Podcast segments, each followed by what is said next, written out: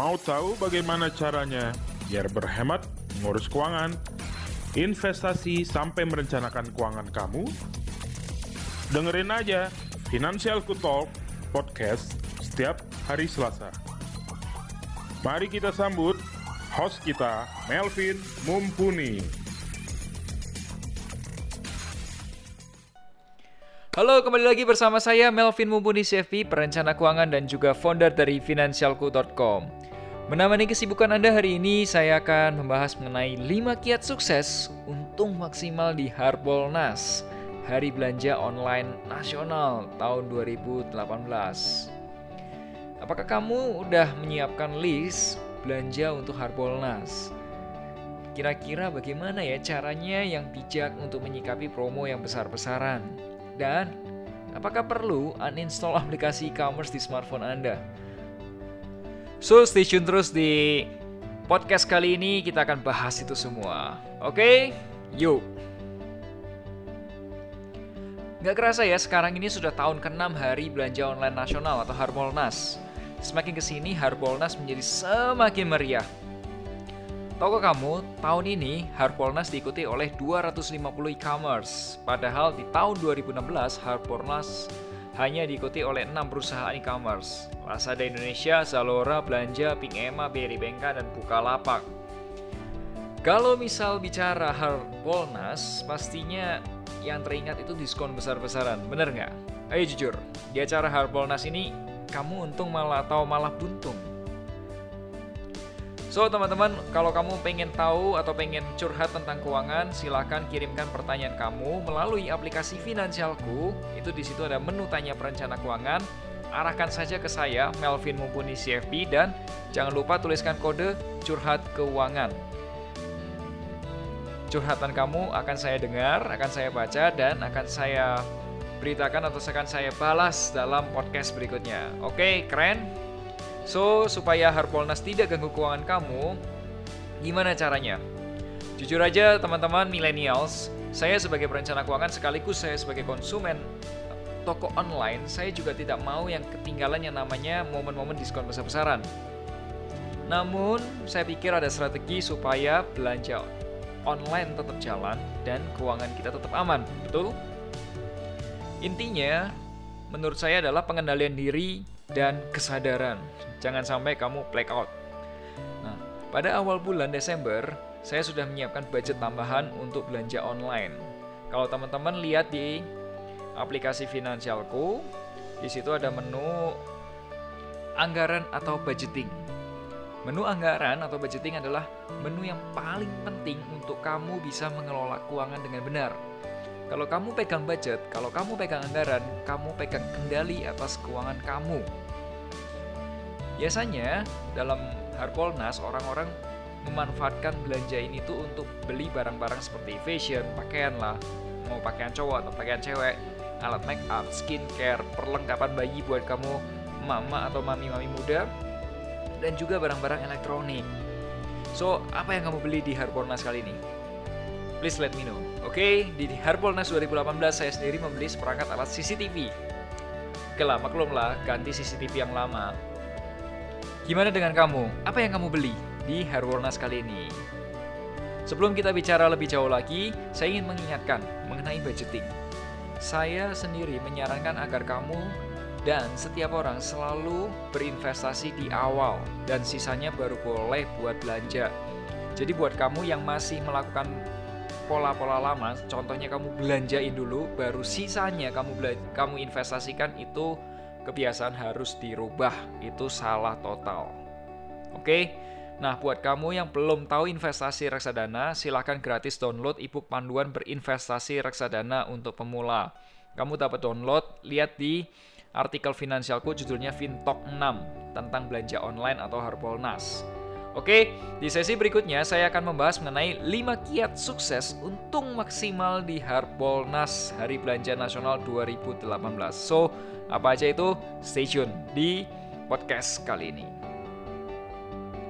Oke guys, ini dia langsung aja 5 kiat sukses untuk maksimal di Harbolnas Hari Belanja Online Nasional. Yang pertama, kamu harus beli barang yang memang diperlukan, bukan mendadak perlu. Pertama dan yang paling utama adalah beli barang-barang yang memang kamu perlukan. Misal, pada hari belanja online nasional, kali ini saya memang membutuhkan CCTV. Jadi dari bulan sebelumnya saya sudah siapkan budget khusus untuk beli CCTV. Jangan sampai mendadak, eh ternyata ada promo ini dan aku langsung beli. No, that's not true. Buat kamu yang belum punya anggaran, silahkan download aja aplikasi Finansialku. Bisa melalui Google Play Store atau aplikasi titik finansialku.com. Kamu download itu aplikasi finansialku, langsung buat budget atau menu anggaran. Oke.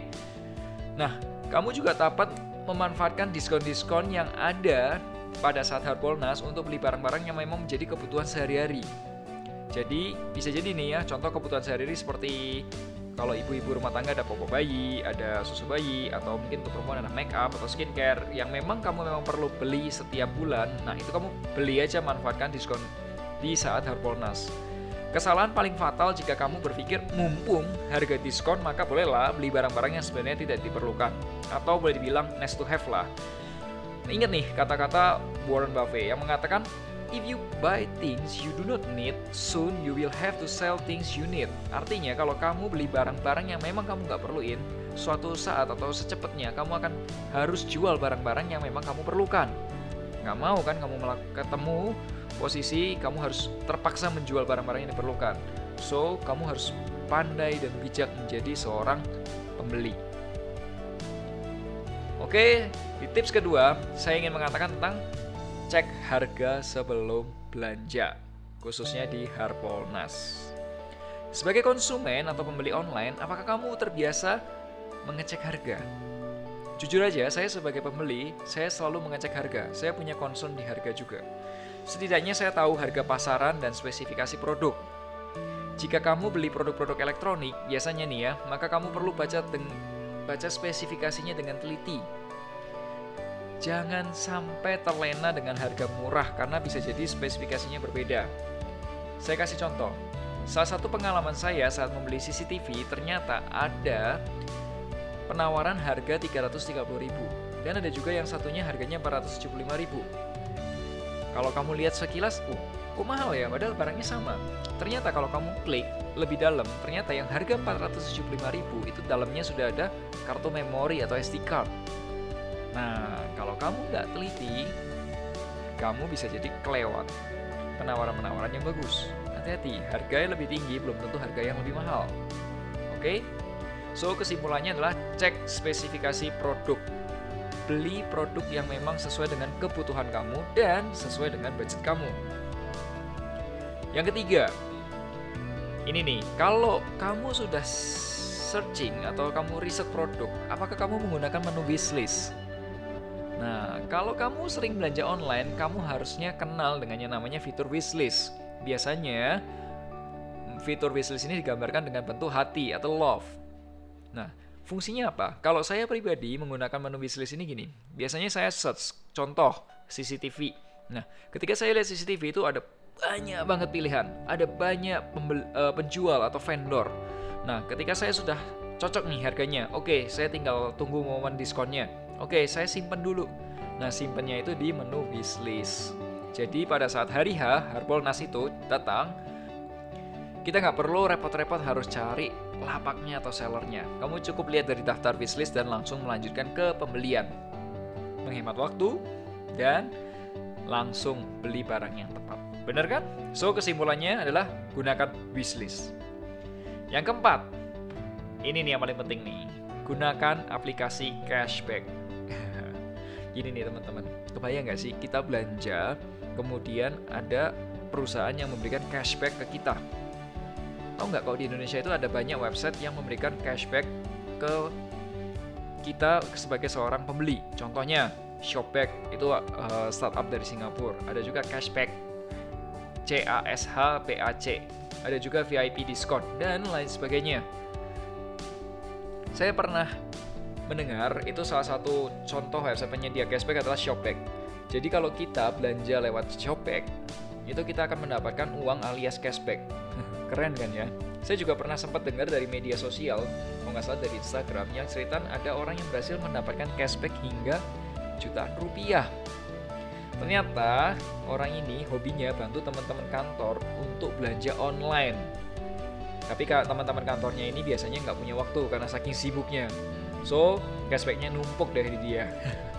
Jadi pelajaran di sini yang paling penting adalah nggak ada salahnya toh kita coba website cashback ya tentunya untuk mendapatkan cashback hitung-hitung sudah didiskon ditambah cashback lagi double impactnya dan yang paling terakhir dan yang paling penting menurut saya adalah baca syarat dan ketentuan yang berlaku biasakan jadi konsumen yang teliti dan jeli sebelum belanja teman-teman pernah nggak melakukan kesalahan bodoh saat berbelanja online Jujur aja, saya pernah melakukan kesalahan bodoh saat memesan tiket shuttle atau travel dari Bandung menuju Jakarta.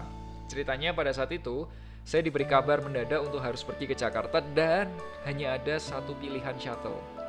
Kereta api habis dan kalau pakai mobil sendiri kayaknya bakal macet parah. So, shuttle paling memungkinkan lah pada saat itu atau travel paling memungkinkan. Pada saat itu memang tergesa-gesa, saya akui saya yang salah, saya tergesa-gesa, sehingga saya tidak memastikan kembali jadwal keberangkatan.